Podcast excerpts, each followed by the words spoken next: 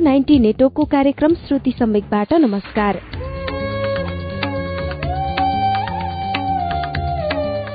उज्यालो ninety network काठमाडौँसँगै देशभरिका अठारवटा FM स्टेशनहरूबाट हरेक मंगलबार र शुक्रबार राति सवा नौ बजे कार्यक्रम श्रुति सम्वेक प्रस्तुत हुन्छ। कार्यक्रम श्रुति सम्वेकमा हामी वरिष्ठ साहित्यकारहरूका उत्कृष्ट गद्यहरू वाचन गर्छौं। श्रुति सम्वेकको शुक्रबारको श्रृंखलामा हामीले एउटा अनुवादित उपन्यास सुन्दै आएका छौं। पावल्लो कोहेलोको उपन्यास द अल्केमिस्टको रितेश थापाद्वारा नेपालीमा अनुदित संस्करण किमियागर हामीले सुन्दै आएको उपन्यास हो। यो उपन्यास विश्वभरि चौवन्न भन्दा बढ़ी भाषामा अनुवाद भइसकेको छ। विश्वभरि एक सय एकचालिस देशहरूमा यो उपन्यास बिक्री भएको प्रकाशकले जनाएको छ। पावल्लो कोहेलोको यो उपन्यासले मानिसलाई आफ्नो सपना इच्छा र लक्ष्य पूरा गर्न प्रेरणा दिनुको साथै आफ्नो मनको कुरा सुन्न पनि सिकाउँछ।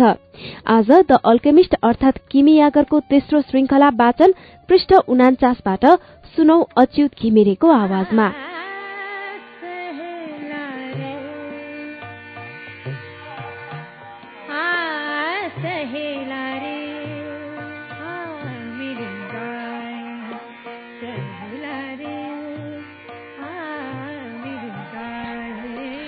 मानिसहरू डाँडा चढ्दथे र टुप्पोमा पुग्दा जब उनीहरू थगेत हुन्थे तिनीहरूले त्यहाँ पुदिना भएको चिया पाउने स्पट्टीको पसल भेटाउँथे।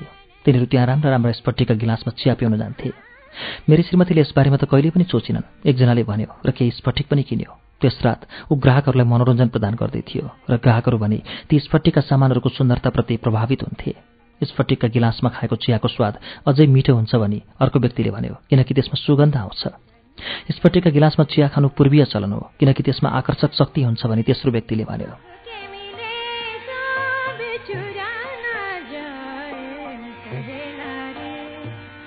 हल्ला फैलिनुभन्दा अगाडि नै धेरै मानिसहरू त्यो पसल हेर्न भनी डाँडा चढ्न थाले। पसलेले व्यापारमा केही नयाँ काम गरेको थियो जुन धेरै पुरानो चलन थियो।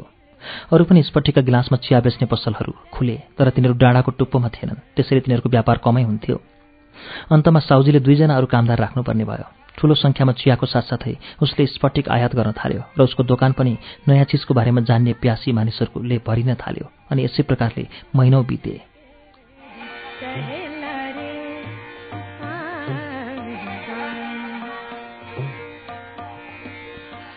मिरमिरे बिहानीभन्दा केही अगाडि नै त्यो केटो हो। उसले अफ्रिकी महादेशमा पाइला टेकेको पनि एघार महिना नौ दिन भइसकेको थियो। खास त्यसै दिनको लागि भनेर किनेको आफ्नो अरबी पोसाकमा थियो उसले शिरमा राखेको कपडालाई उँटको छालाबाट बनेको चक्र जस्तो वस्तुले सुरक्षित पार्यो। नयाँ चप्पल लगाएर ऊ चुपचाप पर्याङ ओर्लियो। सहर अझै निधाएको थियो। आफ्नो लागि स्यान्डविच बनायो र साथमा स्पट्टीका गिलासमा तातो चिया पनि खायो। त्यसपछि ऊ घाम लागेको ढोकामा बसी हुक्का गुडगुडाउन थाल्यो।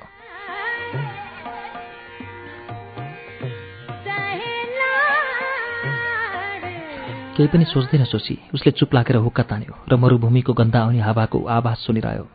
जब उसको हुक्काको तमाको सिद्धियो।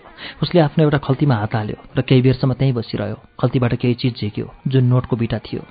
त्यति नोट उसको लागि एक सय बिस भेडाहरू किन्न आफ्नो देश फर्किने टिकट किन्न र अफ्रिकाबाट केही सरसामानहरू निर्यात गर्न मनज्ञ थियो। साउ उठेर पसल खोल्छ भनी ऊ धैर्यताका साथ पर्खियो। ती दुवैजना त्यसपछि चिया खान गए। म आज जाँदैछु केटुले भन्यो। मसँग मेरा भेडाहरू किन्ने पैसा छ र तपाईँसँग मक्का जान चाहिने। बुढोले केही भनेन। के तपाईँ मलाई आशीर्वाद दिनुहुन्न? केटोले सोध्यो। तपाईँले मलाई सहयोग गर्नुभएको छ। बुढो मानिस केही नबोली चिया बनाउँदै गयो। त्यसपछि ऊ केटोतर्फ फर्कियो। म तिमीमाथि गर्व गर्छु साउले भन्यो। तिमीले मेरो स्पट्टीको पसलमा नयाँ अनुभूति ल्याएका छौ। तर म मक्का जान्न र तिमी पनि भेडाहरू किन्दैनौ भनेर तिमीलाई के थाहा? कसले भने तपाईँलाई? अचम्म मान्दै केटोले सोध्यो। मक्थुब स्पट्टीका बुढो साउले भन्यो अनि उसले आशीर्वाद दियो।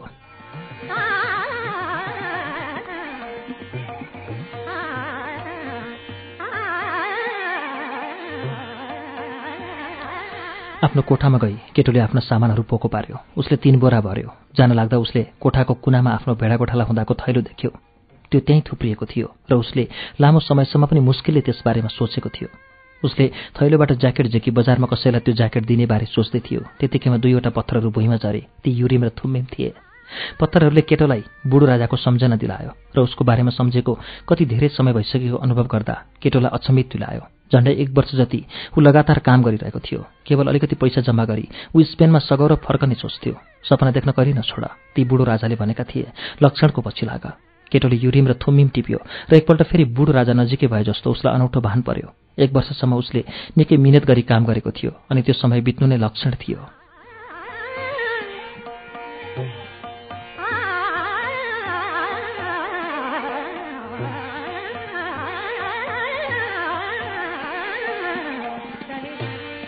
पहिले जे गएको थिएँ त्यही गर्न जाँदैछु। केटोले सोच्यो भेडाहरूले मलाई अरबी बोल्न नसिकाए पनि।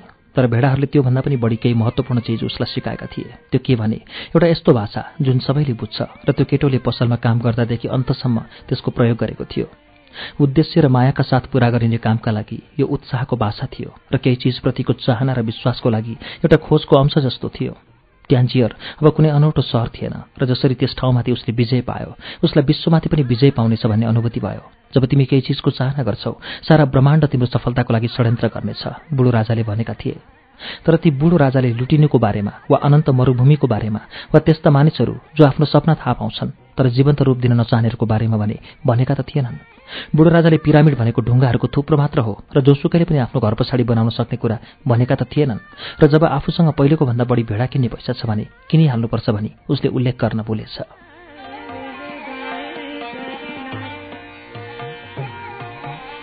केटोले आफ्नो थैलो उचाली उसका अरू सामान सँगसँगै राख्यो। ऊ भर्याङबाट ओर्लियो र त्यहाँ दुई विदेशी जोडीले साउला पर्खिरहेको पायो। त्यति बेला अन्य दुई ग्राहकहरू भने स्पट्टिका गिलासमा चिया पिउँदै पसलभित्रै डुल्दै थिए। बिहानै भए पनि त्यो ठाउँमा अन्य दिनहरूभन्दा बढी नै चहल पहल थियो। ऊ जहाँ उभिएको थियो त्यहाँबाट साउको कपाल त बुढो राजाको कपालसँग धेरै मिलेको पहिलोपटक याद गर्यो। ट्यान्जियरको पहिलो दिन जब उसँग खानको लागि केही पनि थिएन र जाने ठाउँ पनि कतै थिएन उसले त्यस दिन मिठाई व्यापारीको मुस्कान सम्झ्यो। त्यो मुस्कान पनि बुढो राजाको जस्तै थियो। यो त झन्डै बुढो राजा त्यहीँ आई आफ्नो छाप छोडेर गएको जस्तो उसले सोच्यो। र अझसम्म कुनै व्यक्तिले पनि त्यस राजालाई भेटेको छैन भने अर्कोतिर उहाँ सधैँ ती व्यक्तिको मद्दतको लागि देखा पर्नुहुन्छ जसले आफ्नो लक्ष्य बुझ्ने कोसिस गरिरहेको हुन्छ भनी उहाँले भन्नुभएको थियो।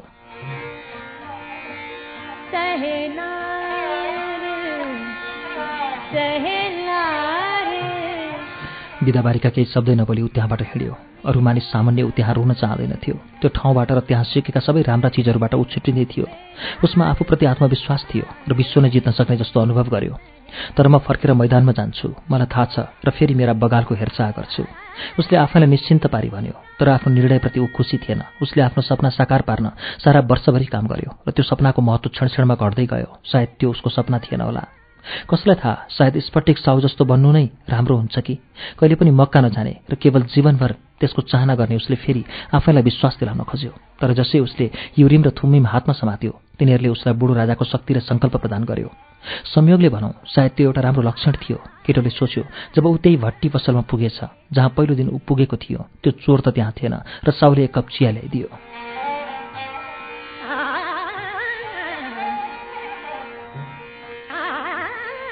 म जहिले पनि फर्की भेडा गोठाला हुन सक्छु उसले सोच्यो मैले भेडाहरूको हेरविचार गर्न जानेको छु र त्यो कसरी गरिन्छ भन्ने कुरा बिर्सेको पनि छैन तर सायद मैले इजिप्टका पिरामिडमा पुग्न अर्को मौका कहिले पाउँदिनँ होला। त्यो बुढो मानिसले छातीमा सुनका पाता लगाएका थिए र उनलाई मेरो विगतको बारेमा सबैलाई थाहा थियो। उनी वास्तवमा नै राजा थिए एक विद्वान राजा। एन्डालुसियाका डाँडाहरू जम्मा दुई घन्टा टाढा थिए तर त्यहाँ त ऊ पिरामिड र पिरामिड र ऊ बीचमा भने पुरै मरुभूमि थियो। यसबारे केटोले त्यति बेलासम्म अर्को बाटो छ भन्ने अनुभव गर्यो। वास्तवमा ऊ आफ्नो खजानाबाट केवल दुई घन्टा टाढा थियो। त्यो सत्य जुन चाहिँ दुई घन्टा पुरा गर्न एक वर्षमा तन्किएको थियो त्यो कुराको भने कुनै अर्थ भएन। किन म आफ्ना बगालतिर फर्किन चाहन्छु मलाई थाहा छ। उसले सोच्यो म भेडाहरूलाई बुझ्छु। तिनीहरू मेरा लागि समस्या होइनन् र तिनीहरू राम्रा साथी पनि बन्न सक्छन्। अर्कोतिर मरुभूमि साथी बन्न सक्छ कि सक्दैन भने मलाई थाहा छैन र त्यो मरुभूमि नै हो जहाँ मैले मेरो खजनाको खोज गर्नुपर्ने। यदि मैले नपाएँ भने पनि घर त सधैँ फर्कन पाइहाल्छु। मसँग अहिले पैसा त पनि प्रशस्तै छ र चाहिने समय पनि किन नजाने त?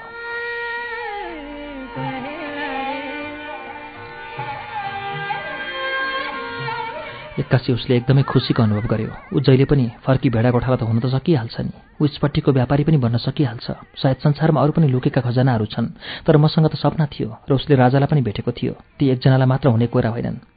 बारम्बार योजनाहरू बनाइरहेको थियो। उसलाई आफ्नो स्पटिक साउको एकजना साथी जो स्पटिक विक्रेता थिए र स्पटिकहरू मरुभूमिको बाटो भएर ल्याउँथ्यो। उसको सम्झना आयो। उसले युरिम र थुमिमलाई हातमा लियो किनकि यी दुई पत्थरले उसलाई फेरि गुप्तधनको बाटोतिर डोरायो। म सधैँ नजिकै हुन्छु जब कसैले आफ्नो लक्ष्य बुझ्न चाहन्छ बुढो राजाले उसलाई भनेका थिए। स्पटिक विक्रेताको गोदाममा गई पिरामिड के त्यति नै टाढा छ भन्ने थाहा पाएर आउन कति लाग्ने हो र।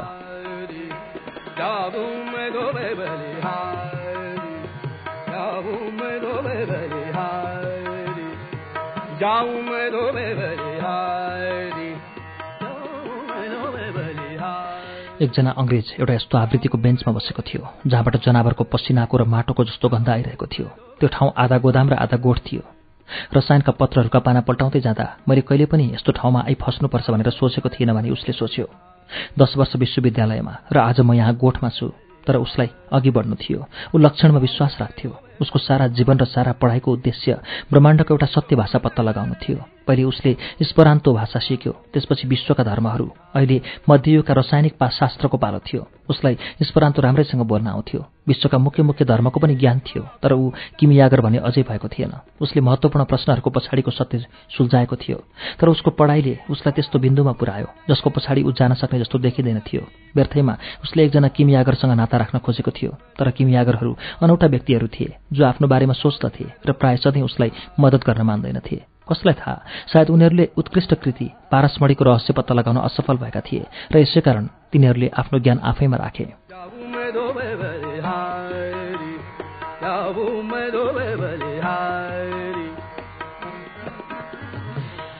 उसका बुबाले दिएको धेरै धन त उसले पहिले नै पारसमणि खोज्दै बेकारमा सिद्धाइसकेको थियो। उसले संसारका ठुल्ठुला पुस्तकालयहरूमा निकै समय बिताइसकेको थियो र मध्ययुगका रासायनिक शास्त्रका बिरलै पाइने महत्त्वपूर्ण पुस्तकहरू पनि किनेको थियो। एउटा पुस्तकमा उसले धेरै वर्ष पहिले एक प्रख्यात अरबी किमियागर युरोपको भ्रमण गरेको भनी पढेको थियो। त्यसमा उसको उमेर दुई सय वर्षभन्दा पनि बढी उल्लेख थियो र उसले पारसमणि पत्ता लगाउनुको साथै अमृत पनि पाएको थियो।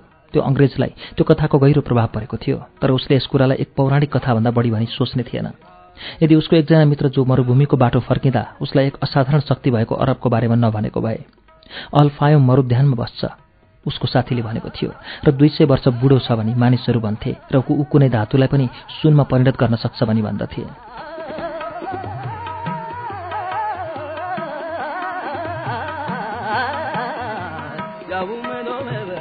ऊ आफ्नो उत्सुकता थाम्न नसकी। सबै प्रतिज्ञा त्यागेर केही महत्त्वपूर्ण पुस्तकहरू बाहेक अहिले ऊ त्यहाँ बसिरहेको थियो। त्यस्तो धुलो र गन्धले भरिएको गोदाममा सहारा मरुभूमि पार गर्न बाहिर धेरै यात्रीहरू जम्मा गरिँदै थियो र अल्फायौँ भइजाने योजना पनि तिनीहरूको बनेको थियो।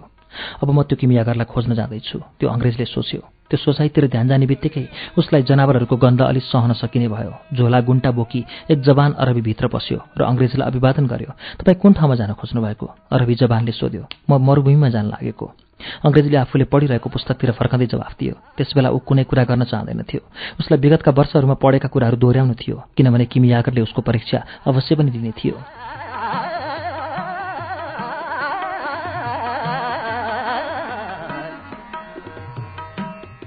त्यो अरबी जवानले एउटा पुस्तक झिकेर पढ्न थाल्यो। त्यो पुस्तक स्पेनिस भाषामा लेखिएको थियो। राम्रै भयो। अङ्ग्रेजले सोच्यो अरबीभन्दा ऊ राम्रो स्पेनिस भाषा बोल्दथ्यो र यदि त्यो जवान अल्फायम जाने भए केही काम नभएको बेला कोही बोल्ने साथी त हुन्छ भनी उसले ठान्यो।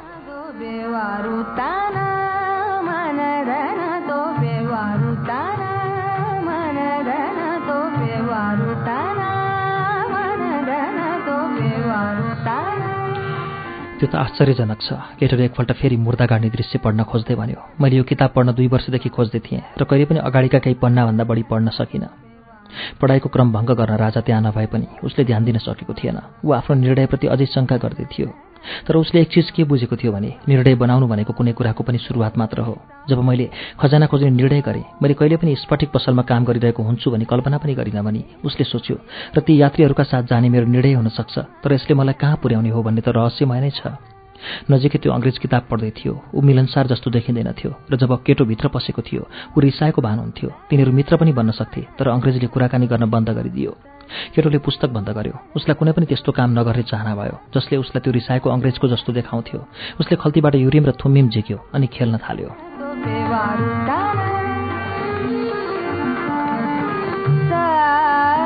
अङ्ग्रेज करायो। एकैछिनमा केटोले युरिम र थुम्मिम खल्तीभित्रै हाल्यो। यिनीहरू बेच्नका लागि होइनन् उसले भन्यो तिनीहरूको त्यति धेरै मोल पनि त छैन। त्यो अङ्ग्रेजले जवाफ दियो।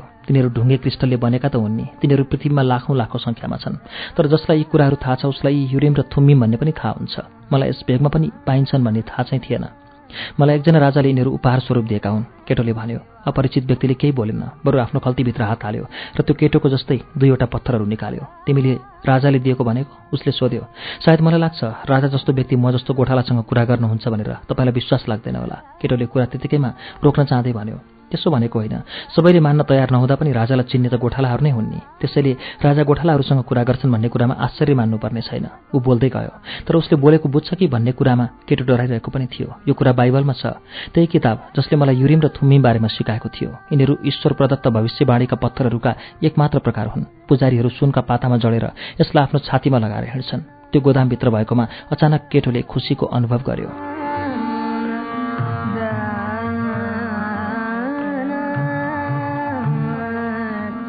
सायद यो एउटा लक्षण हो अङ्ग्रेजले भन्यो। तिमीलाई लक्षणको बारेमा कसले भन्यो? केटोको जिज्ञासा क्षण क्षणमा बढ्दै थियो। जीवनमा सबै चिज लक्षण हो। पढिरहेको किताब बन्द गर्दै अङ्ग्रेजले भन्यो ब्रह्माण्डकै भाषा एउटा यस्तो छ जुन सबैले बुझ्छन् तर त्यो उहिले बिर्सिसकियो। म अरू चिजबिजको बिचमा त्यो ब्रह्माण्डको भाषा नै खोजिरहेको छु। त्यसकारण त म यहाँ छु। मैले यस्तो भाषा जान्ने मानिसलाई खोज्नु छ। एउटा किमियागरलाई जो मध्ययुगको रसायनशास्त्रमा निपुण थियो। गोदामका मालिक मोटे अरब आएर बिचैमा बोले तिमीहरू दुईजना त भाग्यमानी रहेछौ। आजै एउटा यात्रीहरूको समूह अल्फायमतर्फ जाँदैछ। तर म त इजिप्ट जाने हुँ केटोले भन्यो। अल्फायम इजिप्टमा त छ नि अरबले भन्यो। कस्तो तिमी त? अरबी जसलाई त्यति पनि थाहा छैन। यो एउटा राम्रो लक्षण हो। मोटे अरब गएपछि अङ्ग्रेजले भन्यो यदि मैले सक्ने भएको भए म यी दुई शब्दहरू भाग्य र संयोगको बारेमा एउटा ठुलो विश्वकोश नै तयार पार्ने थिएँ। यी दुई शब्दबाटै त विश्व ब्रह्माण्डको भाषा लेखिन्छ।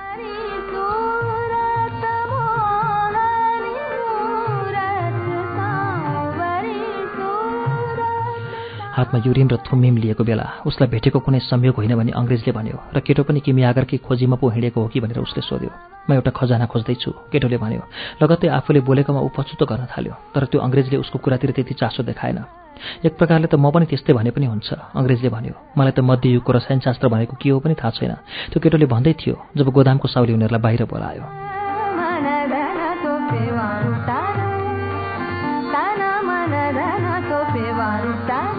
एकजना कालो आँखा भएको दारीवाल मानिसले म यो यात्री समूहको नेता हुँ भन्यो। मसँग हिँडेका प्रत्येकजनाको जीवन र मृत्यु मेरो हातमा हुन्छ। मरुभूमि त परिवर्तन भइरहने हुन्छ र कहिलेकाहीँ मानिसलाई निकै अप्ठ्यारोमा पनि पार्न सक्छन्। झन्डै दुई सय मानिसहरूको र चार सय जनावरहरू ऊँटहरू घोडा खच्चर हाँस कुखुरा जस्ता खाने चराहरू आदिको त्यहाँ हुल थियो। त्यो भिडमा आइमाई केटाकेटी र पेटीमा धेरै तरबार अनि कुममा राइफल भिरेका मानिसहरू पनि थिए। पुस्तकहरूले भरिएका केही सुटकेसहरू थिए अङ्ग्रेजका। त्यहाँको खल्ट्याङ मल्ट्याङले गर्दा आफैले बोलेको कुरा सबैलाई बुझाउन यात्री समूहका नेता दोहोऱ्याइ तिराइरहेका थिए।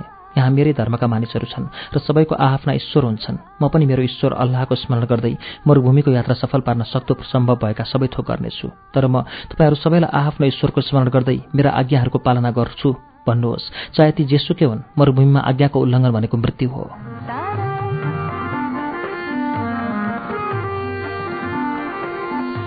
भिडबाट गाई गाई गुई आवाज आइरहेको थियो। सबैजना शान्त भएर आफ्ना आफ्ना ईश्वरको स्मरण गर्दै थिए। त्यो केटोले जिजस ईश्वरको स्मरण गर्यो। अङ्ग्रेज केही बोलेन र केही बेर गुनगुनाइरह्यो सुरक्षाको लागि मानिसहरू स्वर्गको पनि प्रार्थना गरिरहेका थिए। बिगुल फुकेपछि सबैजना चढ्न थाले। त्यो केटो र अङ्ग्रेज दुवैले ऊँट ल्याएका थिए र दुवै ऊँटमा चढे। अङ्ग्रेजको ऊँटलाई किताबका बाकसले लादेकोमा त्यो केटोलाई दुःख लाग्यो। संसारमा संयोग जस्तो कुनै कुरा छैन भन्दै अङ्ग्रेजले अघि गोदाममा हुँदा बिचैमा रोकेको कुरालाई निरन्तरता दियो। म यहाँ छु किनकि मेरो एउटा साथीले एकजना अरबको बारेमा सुनेको थियो जो त्यतिकैमा यात्रीसम्मको हुल हिँड्न थाल्यो। उसले बोलेको केटोलाई सुन्न असम्भव नै भयो। उसले के बयान गर्न लागेको केटोलाई थाहा थियो। तैपनि रहस्यमय जन्जिरले एक चिजलाई अर्कोसँग जोड्छ। त्यही जन्जिर जसले उसलाई भेडा गोठालो बनायो जसले बारम्बार एउटै सपना देखाइदियो जसले अफ्रिका नजिकको सहरमा ल्याइपुऱ्यायो राजा भेटाउनलाई र लुटिएर स्फटिक साउहरूलाई भेट्न अनि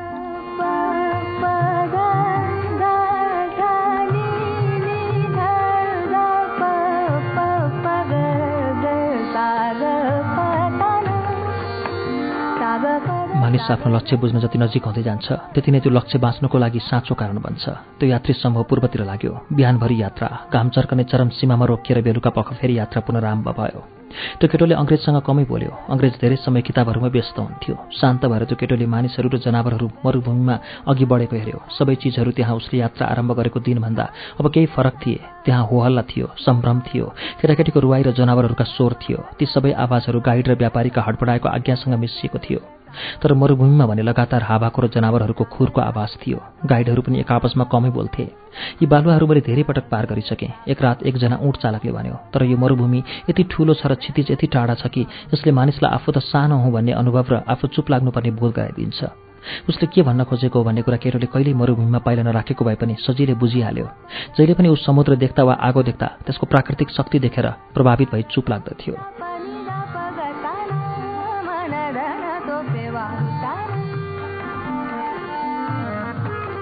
मैले भेडाहरूबाट केही सिकेँ अनि केही स्फटिकसँग पनि उसले सोच्यो म मरुभूमिबाट पनि केही सिक्नेछु। यी कुरा पुराना तर बुद्धिमत्तापूर्ण देखिन्थ्यो। हावा कहिले रोकिएन? र आफू तरिफाको किल्लामा बसेको दिन केटोले याद गर्यो जब उही हावा उसको अनुहारमा बगिरहेको थियो। त्यसले उसलाई आफ्नो भेडाहरूको उनको सम्झना गरायो। उसको भेडाहरू जो अहिले एन्डालुसियाका मैदानहरूमा खाना र पानी खोज्दै होलान् जसरी ती सधैँ खोज्दथे अब तिनीहरू मेरा भेडा होइनन्। अतीतका दिनहरू याद गर्दै उसले आफैलाई भन्यो तिनीहरू त अब आफ्ना नयाँ भेडा गोठालासँग अभ्यस्त भइसके होलान् र सायद मलाई बिर्सिसके होलान् त्यो राम्रो हो भेडाहरू जस्तो जन्तु त घुमफिर गर्न अभ्यस्त भएका हुन्छन् र तिनीहरूलाई यसबारे ज्ञान पनि हुन्छ व्यापारीको छोरीलाई सम्झ्यो उसले र सायद उनले विवाह गरिसकिन् होलिन् भन्ने कुरामा ढुक्क भयो। सायद रोटी पसलेसँग वा अर्को कुनै भेडा कोठाला जो पढ्न जान्थ्यो र उनलाई रमाइला कथाहरू भन्न सक्थ्यो। आखिरमा सम्भवतः ऊ मात्र त्यस्तो एक थिएन नि।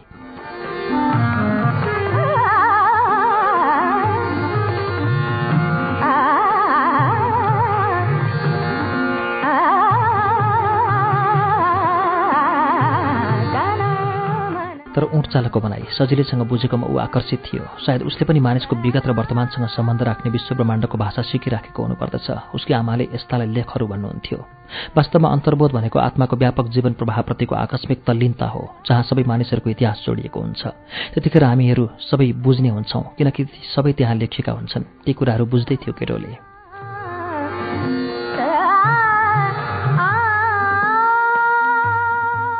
हामी अहिले उज्यालो नाइन्टी नेटवर्कको कार्यक्रम श्रुति सम्वेगमा पावल्लो कोहिलोको उपन्यास द अल्केमिस्ट सुनिरहेका छौं। यसलाई रितेश थापाले नेपालीमा अनुवाद गर्नुभएको हो। केही बेरपछि यसको बाँकी अंश वाचन निरन्तर हुनेछ। उज्यालो सुन्दै गर्नुहोला।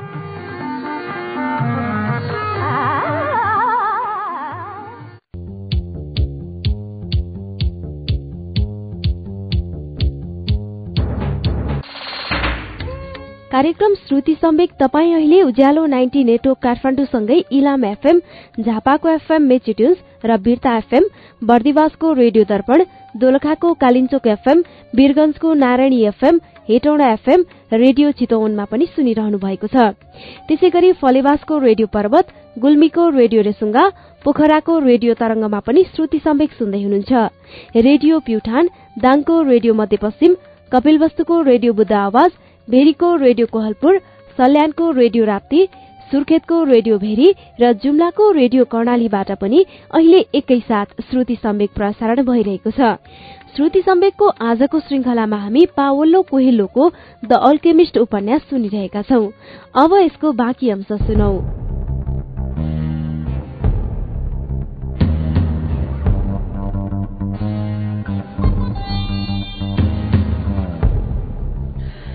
मक्तुब स्फटिक सबलाई सम्झँदै केटोले भन्यो मरुभूमिमा कतै बालुवै बालुवा र कतै ढुङ्गे ढुङ्गा मात्र थियो। यात्री समूहलाई जब ठूलो ढुङ्गाले अवरोध पुर्याउँथ्यो उनीहरूलाई घुमाउरो बाटो पुरै एक फनको लगाउनु पर्ने हुन्थ्यो।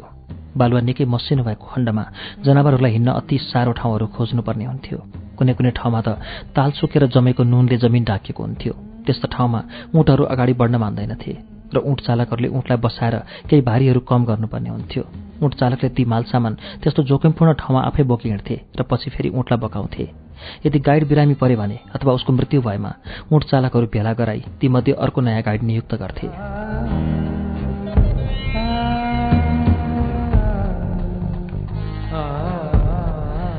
जतिसुकै घुमाउरा बाटाहरू हिँड्नु परे पनि र नुनका बाटाहरूमा जस्तै तालमेल मिलाउनु परे पनि उनीहरू कम्पासको एकै दिशातिर अघि बढ्थे। सबै कष्टको मुख्य कारण यो नै थियो। एकपटक अवरोधहरू पार गरिसकेपछि ताराहरूको अवस्था हेरिवरी फेरि आफ्नै दिशातिर लाग्थे। यी ताराको निर्धारित स्थानले नै मरुद्यान भएको ठाउँ पत्ता लगाउन सकिन्थ्यो।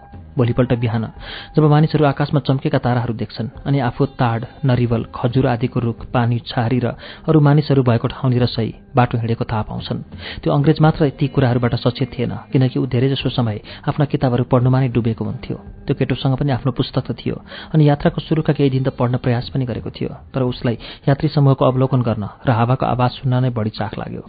उसले जब आफ्नो उठलाई राम्ररी जान्यो र एउटा सम्बन्ध कायम गर्यो तब उसले पुस्तक फालिदियो।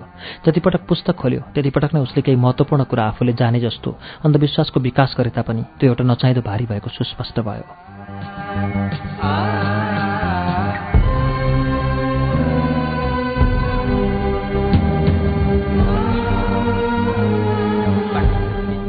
छेउमा भएको उठ चालकसँग उसले मित्रताको व्यवहार गर्यो। उनीहरू साथी बने। त्यो रात जब उनीहरू आगो ताप्दै थिए आफू भेडाकोठाला हुँदाको अनुभवहरू उसले त्यस उठ चालकलाई सुनायो। उनीहरू बिचको गफमा त्यस उठ चालकले पनि उसलाई आफ्नो जीवनबारे भन्यो। म एलकैरम भन्ने ठाउँ नजिकै बस्थेँ उसले भन्यो। मेरो एउटा फलोद्यान बालबच्चा र नमरुन्जेल नफेरिने किसिमको जीवनशैली थियो। एक साल जब उब्जनी सधैँको भन्दा राम्रो भयो हामी सबै मक्का गयौँ र मैले पुरा गर्न नसकेको जीवनको बाचा पनि पुरा गरेँ। हाँसी हाँसी म अब मर्न पाउँछु भन्ने कुराले मलाई आनन्द प्रदान गर्यो। एक दिन पृथ्वी नै काम्न थाल्यो अनि नाइल नदीमा बाढी आयो। सबै किनारा जलमग्न भयो। त्यस्तो त अरूलाई मात्र हुने हो। आफैलाई हुन्छ भनेर त कहिले पनि सोचेको थिइनँ। मेरा छिमेकीहरू आफ्ना सबै जैतुन रुखहरू गुमाउने भए भनी डराए अनि मेरो श्रीमती हाम्रा बालबच्चा गुमाउनु पर्ला भनी डराए। आफ्नो भन्ने सबै नाश हुन्छ जस्तो मैले सोचेको थिएँ। बाढीले जमिन ध्वस्त भयो र जीविका चलाउन मैले कुनै अर्को काम खोज्नुपर्ने भयो। त्यसैले अहिले म उठ चालक छु तर त्यो विनाशले मलाई अल्लाहले भनेको मानिसहरू यदि आफूले चाहेको र सोधेको चिज प्राप्त गर्न सक्षम भए भोलि के हुन्छ भनी डराउनु पर्दैन। भन्ने भनाइलाई बुझ्न सिकाएको छ। हामीहरू आफूसँग भएको आफ्नो प्राण वा आफ्नो धन सम्पत्ति गुमाउने कुरामा डराउँछौँ तर त्यो डर हराउँछ। जब तब जब हामी हाम्रा जीवन कथाहरू र संसारको इतिहास उही हातले लेखिएको हो भनी बुझ्दछौँ। कहिलेकाहीँ उनीहरूको अर्को यात्री समूहसँग भेट हुन्थ्यो। एकसँग सधैँ अर्कोलाई चाहिने केही चिज हुन्थ्यो। सबै कुराहरू वास्तवमा एकै हातले लेखे जस्तै जसरी तिनीहरू आगो ताप्न आगोको वरिपरि बस्थे। ती ऊँट चालकहरू आँधीहुरीको बारेमा खबर आदान प्रदान गर्थे र मरूभूमिका कथाहरू बाँच्थे।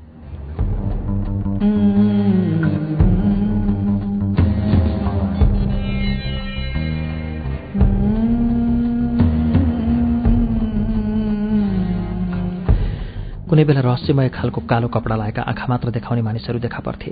उनीहरू बेडुइन सन्देश वाहक हुन् जो यात्रीसम्मको बाटोमा कडा निरीक्षण राख्थे। उनीहरू चोर र जङ्गली जनजातिहरूको बारेमा पूर्व सूचना दिन्थे। तिनीहरू वीरताका साथ आउँथे र त्यसरी नै जान्थे। एक रात एउटा ऊँट चालक आगो नजिकै आयो जहाँ अङ्ग्रेज र त्यो केटो बसिरहेका थिए। त्यहाँ त जनजातीय युद्धको हल्ला छ उसले दुवैलाई भन्यो तिनैजना मौन भए कसैले केही नभने पनि केटोले हावामै डरको बोध भएको सङ्केत पाइसकेको थियो। फेरि उसले एकपटक शब्द बिनाको भाषाको अनुभव गरिरहेको थियो ब्रह्माण्डको भाषा। खतरामा त छैनौँ हामीहरू भने अङ्ग्रेजले सोध्यो। एकपल्ट मरुभूमिमा आइसकेपछि फर्किने कुरै आउँदैन ऊँट चालकले भन्यो। अनि जब तिमीहरू पछि फर्कन सक्दैनौ तिमीहरू अब अगाडि बढ्ने सबभन्दा उत्तम बाटोको बारेमा चिन्तित हुनुपर्छ। बाँकी सबै अल्लाहको भरोसा खतरा समेत अनि रहस्यपूर्ण शब्द मक्तुब भनी उसले कुरो टुङ्गायो। तिमीले यात्री समूहप्रति बढी ध्यान दिनुपर्छ। ऊँट चालक गएपछि केटोले अङ्ग्रेजलाई भन्यो हामीहरू निकै घुमाउरो बाटो भएर जान्छौँ तर हामीहरू सधैँ एउटै गन्तव्यतिर बढिरहेका हुन्छौँ।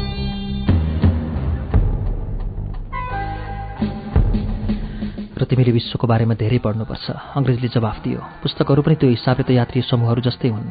मानिस र जनावरको त्यत्रो विशाल जमात छिटो छिटो अघि बढ्न थाल्यो। दिनहरू सधैँ शान्त नै थिए अनि अब त रातहरू पनि आगो वरिपरि बसी यात्रीहरूको गफ गर्ने बानी परेकाले। त्यहाँ अति शान्ति नै थियो र एक दिन यात्री समूहका नेताबाट उनीहरूमाथि अरूको ध्यान आकर्षण नगराउनको लागि आगो नबाल्ने निर्णय भयो। यात्रीहरूले रातमा जनावरलाई गोलो आकारमा मिलाउने बानी बसाले जसले गर्दा सबैजना बीचमा सुत्दा रातको चिसोबाट तिनीहरू सुरक्षित हुन्थे। नेताले समूहको छेउछेउमा हात हतियारसहित पहरा दिने सिपाही तैनात गरेको थियो। एक रात अङ्ग्रेज सुत्न सकेन। उसले केटोलाई बोलायो र उनीहरू केही बेरसम्म शिविर वरिपरिको बालुवाको ढिस्कोतिर डुल्न निस्के। त्यो पूर्णिमाको रात थियो र केटोले अङ्ग्रेजलाई आफ्नो जीवन कथा सुनायो। स्फटिक पसलमा काम गर्न थालेदेखि उसले त्यहाँ गरेको प्रगतिप्रति त्यो अङ्ग्रेज आकर्षित भयो। त्यो नै सबै कुरामाथि नियन्त्रण गर्ने त्यस्तो सिद्धान्त हो। उसले भन्यो मध्ययुगको रासायनिक शास्त्रमा यसलाई संसारकै आत्मा भनिन्छ। जब तिमी आफ्नो भित्री हृदयदेखि नै केही चिजको चाहना गर्छौ तब तिमी संसारको आत्माबाट निकै नजिक हुन्छौ जस्तो शक्ति सधैँ सकारात्मक हुन्छ।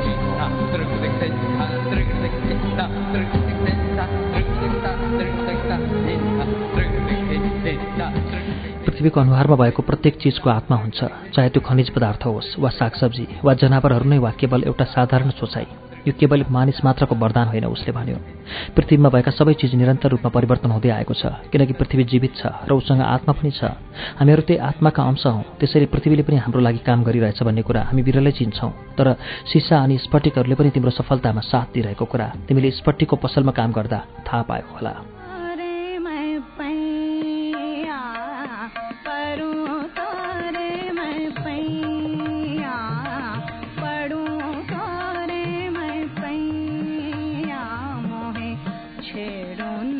जुन र टल्केका सेता बालुवाहरूमा हेर्दै त्यसबारे सोच्यो मैले यात्रा गर्ने समूहले मरुभूमि पार गरेको राम्रोसँग हेरेको छु। उसले भन्यो यात्री समूह र मरुभूमि एकै भाषा बोल्छन् र यसै कारणले त मरुभूमिले तिनीहरूलाई पार गर्न अनुमति दिन्छ। यसले गर्दा यात्री समूहहरू समयमै मरुद्यान पुग्छन् कि पुग्दैनन् भनी हेर्न प्रत्येक पाइला जाँच गरेको हुन्छ। त्यो यात्रा अझ झन कठिन हुने थियो। यदि हामीले मरुभूमिको भाषा नबुझी आफ्नै जोसले मात्र यात्री समूहसँग हिँडेको भए तिनीहरू चन्द्रमा हेर्दै उभिए। यो लक्षणको जादु हो केटोले भन्यो। मैले गाइडहरूले कसरी मरुभूमिको अवस्थाको सङ्केत पाउँछन् र यात्री समूहको आत्माले मरुभूमिको आत्मासँग कसरी बोल्छ भन्ने पनि बुझे? अङ्ग्रेजले भन्यो म यात्रा गर्ने समूहप्रति बढी ध्यान दिन्छु र म चाहिँ तिम्रो किताबहरू पढ्छु। केटोले भन्यो।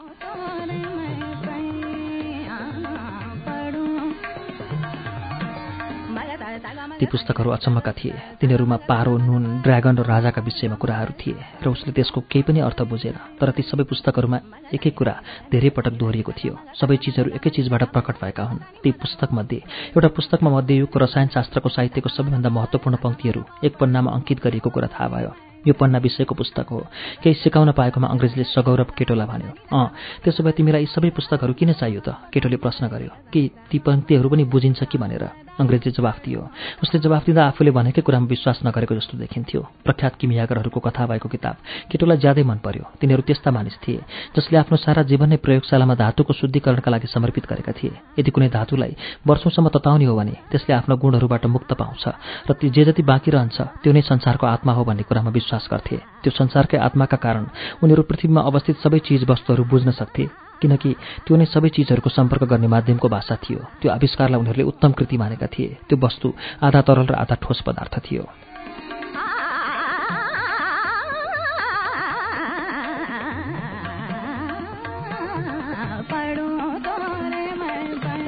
के तपाईँ त्यो भाषा बुझ्न मानिस र लक्षणको अवलोकन गर्नुहुन्छ? त्यो केटोले सोध्यो। तिमीलाई सबै कुरा सरल बनाउनु पर्ने नसा लागेको छ। अङ्ग्रेजले झर्किँदै जवाफ दियो। मध्ययुगको रसायनशास्त्र एक गम्भीर शिक्षण हो। प्रत्येक पाइला गुरुले पछ्याएको जस्तै ठिक ठिक पछ्याउनु पर्ने हुन्छ। त्यो द्रव्यमानको तरल भाग चाहिँ अमृत हो जसले सबै रोगहरू निको पार्न सक्छ र किमियाग्रहरूलाई पनि बुढो हुनबाट रोक्ने कुरा यही हो भने केटोले जान्यो। अनि त्यो ठोस भागलाई चाहिँ पारसमणि भनिन्थ्यो। पारसमणि भेटाउनु त्यति सजिलो छैन अङ्ग्रेजले भन्यो। किमियागरहरू आफ्नो प्रयोगशालामा वर्षौँ आगोले धातु शुद्धिकरण गरेको निहाल्दै बिताउँछन्। तिनीहरूले आगोको नजिक धेरै समय बिताउँछन् कि उनीहरूले संसारको निस्सारता नै त्यागिसकेका हुन्छन्। केटोले स्फटिक साहुको बारेमा सोच्यो। साहुले उसलाई स्फटिकका वस्तुहरू सफा गर्नुमा उसलाई राम्रै हुने कुरा बताएका थिए किनकि ती काम गर्दा उसले आफूलाई कुविचारहरूबाट मुक्त राख्न सक्थ्यो। मध्ययुगको रसायनशास्त्रमा मानिसले आफ्नो जीवनमा सिक्न सकिने कुराहरूप्रति झन्झन बढी विश्वास उत्पन्न गरायो।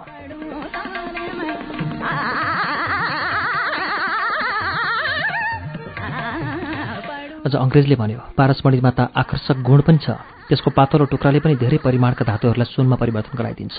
त्यो कुरा सुनेर केटो अझ बढी मध्ययुगको रसायनशास्त्रप्रति आकर्षित भयो। केही धैर्य गरेमा आफूले पनि सबै चिजलाई सुनमा परिवर्तन गर्न सक्ने विचार गर्यो। उसले हेल्भिटियस अलियस फुन्कन्या निल्ली र गिबर जस्ता मानिसहरूको जीवनी पढ्यो जसले त्यस्तो काममा सफलता पाएका थिए। ती जीवन कथाहरू आकर्षक थिए। सबैजनाले अन्तमा आफ्नो जीवनको गन्तव्य भेटाएका थिए। उनीहरू भ्रमण गर्थे विद्वानसँग कुराकानी गर्थे अविश्वासीलाई चमत्कार देखाउँथे र साथै उनीहरूसँग पारसमणि र अमृत पनि थियो। तर जब केटोले पनि कसरी उत्तम कृति हासिल गर्ने भनी जान्न चाह्यो तब ऊ आफैमा पूर्ण रूपले हरायो। त्यहाँ केवल चित्रहरू साङ्केतिक सूचना र नबुझिने उद्धरणहरू थिए।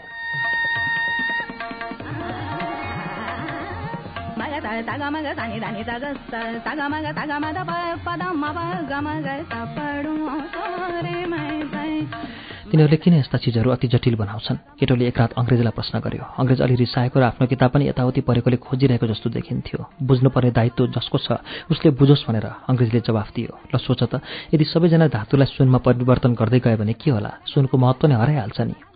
जो निरन्तर रूपले परिश्रम गर्ने र गहन अध्ययन गर्न सक्ने रुचाउने हुन्छन् उसैले मात्र उत्तम कृति हासिल गर्न सक्छ। त्यसैले म यहाँ मरुभूमिको माझमा छु। म पक्का किमियागरको खोजीमा छु जसले मलाई यी साङ्केतिक भाषाको अर्थ खुलाइदिनेछ। यी किताबहरू कहिले लेखेका हुन्? केटोले सोध्यो। धेरै शताब्दी अगाडि। त्यति बेला त किताब छाप्ने छापाखानाहरू पनि थिएन केटोले तर्क गर्यो। मध्ययुगको रसायनशास्त्रबाट सबैले जान्ने कुनै तरिका नै त्यति बेला थिएन। तिनीहरूले किन त्यस्तो चित्र नै चित्र भएको अनौठो भाषाको प्रयोग गरेको? अङ्ग्रेजले उसलाई सिधै जवाफ दिएन। आफू विगतका केही दिनदेखि यात्री समूह कसरी सञ्चालन हुन्छ भन्ने कुरा बुझ्न ऊ व्यस्त भएको कुरा भन्यो तर उसले केही पनि नयाँ कुरा जानेको थिएन। उसले सम्झेको कुरा भनेको केवल युद्ध सम्बन्धी गफहरू थिए जुन त्यहाँ पटक पटक घटिरहेको थियो।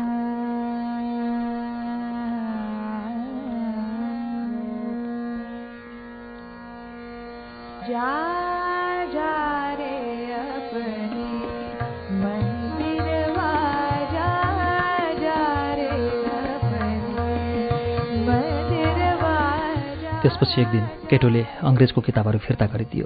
तिमीले के जान्यौ? उसले के जानेछ भन्ने कुरा सुन्न अग्रसर हुँदै अङ्ग्रेजले प्रश्न गर्यो। उसको मगजबाट युद्धको सम्भावना हटाउनको लागि भए पनि उसलाई गफ गर्ने मानिस चाहिएको थियो। संसारको पनि आत्मा हुन्छ जसले त्यो आत्मालाई बुझ्छ उसले सबै चिजहरूको भाषा पनि बुझ्छ भन्ने कुरा मैले जाने। मैले धेरै किमियागरहरूले आफ्नो गन्तव्य बुझेको र संसारको आत्मा पारसमणी र अमृतको खोज गर्दा घाइते भएको कुरा पनि जाने। तर सबभन्दा मुख्य कुरा मैले के जाने भने यी कुराहरू यति सरल छन् कि यिनीहरूलाई पन्नामा सानो बहुमूल्य पत्थरमा अङ्कित गर्न पनि सकिन्छ।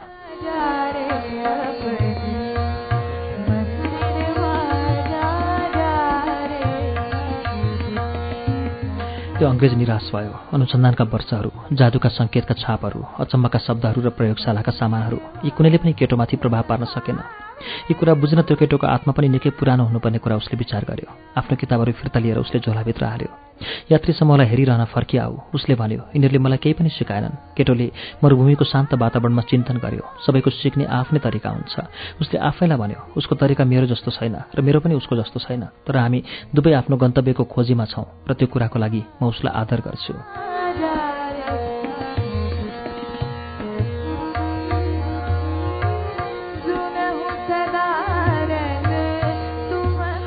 दिनरात यात्री समूह अघि बढ्न थाल्यो। बेडुइन बेडुइन बारम्बार देखा पर्न थाले। केटोको राम्रो साथी बनेको ऊँट चालकले जनजातिहरूको बीच युद्ध चालु भइसकेको कुरा अवगत गरायो। जनावरहरू थकित थिए। मानिसहरू पनि एकअर्कासँग ज्यादै कम बोल्थे त्यहाँको निशब्दता नै रातको नराम्रो पक्ष थियो। ऊँटहरूले तब जब लगातार आवाज निकाल्थे र त्यो आवाजले कतै हमलाको सङ्केत गरेको त होइन भन्दै सबै भयभीत हुन्थे तैपनि ऊँट चालक युद्धको आशंकाप्रति त्यति चिन्तित हुँदैन थियो।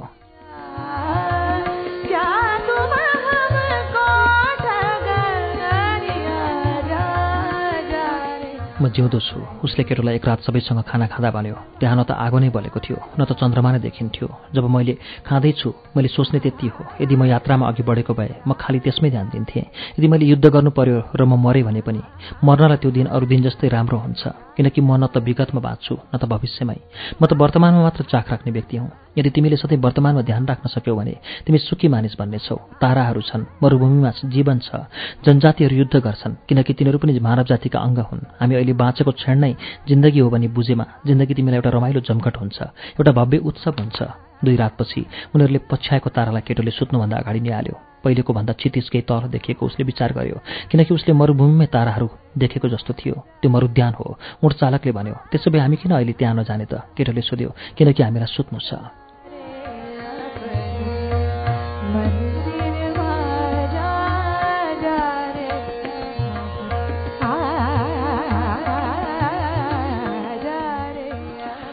घाम केटो उठ्यो। उसको अगाडि जहाँ उसले गए राति साना ताराहरू देखेको थियो त्यहाँ त अनन्तसम्म फैलिएका ताड नरिवल र खजुरका रुखहरू थिए। अङ्ग्रेज पनि छिट्टै उठिसकेको थियो।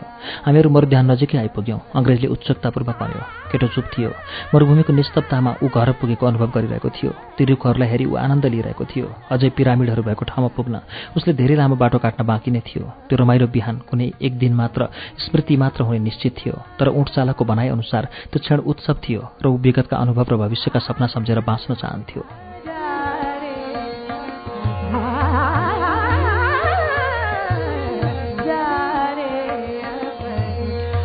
ती ताड नरिवल र खजुरका रुखहरूको दृश्य। एक दिन सम्झना मात्र हुने भए पनि त्यतिखेर तिनले छाया पानी र युद्धबाट आश्रित हुने कुरा बुझाइरहेका थिए। हिजो राति ऊँटको गहिरो आवाजले खतराको सङ्केत गरे पनि अहिले त्यो रुखहरूका पङ्क्तिहरूले भने कुनै चमत्कारी घटनाको आगमनलाई सूचित गरेको जस्तो उसले बुझ्यो।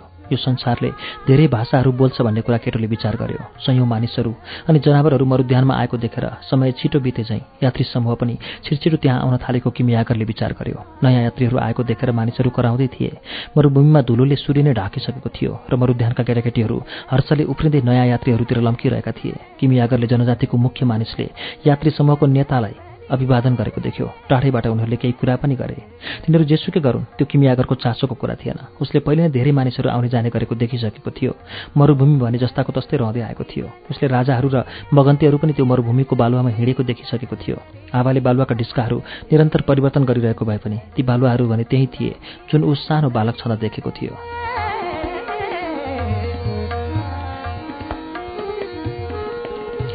हप्तौँसम्म निलो आकाश र पहिरो बालुवा देखेका यात्रीहरूले खजुरको हरिया रुखहरू देख्दा खुसी भएको हेर्न उसलाई मजा लाग्थ्यो। सायद ईश्वरले खजुरको रुख पनि मानिसले मन पराउने भनेर नै मरुभूमिको सृजना गरेका होलान् भनी उसले विचार गर्यो। काम लाग्ने कुराहरूतिर उसले ध्यान दिने निर्णय गर्यो। उसलाई त्यो यात्री समूह मध्येको एकजनालाई आफ्नो केही गोप्य कुराहरू सिकाउनु पर्नेछ भन्ने थाहा थियो। उसलाई यो कुरा लक्षणले नै भनेको थियो। उसले अहिलेसम्म त्यो मानिसलाई भेट्टाएको त थिएन तर अगाडि पर्ने बित्तिकै उसका अनुभवी आँखाहरूले थाहा पाउन सक्ने थियो। उसले पहिलेको सिकारु जस्तै सक्षम होस् भन्ने आशा गर्यो। आफूबाट आफूलाई यी कुराहरू किन मुखबाटै बोल्नुपर्ने हो भनी थाहा नभएकोमा विचार गर्यो। ती वास्तवमा गोप्य कुराहरू नै होइनन्। ईश्वरले आफ्ना सबै प्राणीहरूलाई यो गोप्य कुराहरूको प्रदर्शन गराइसक्नु भएको छ।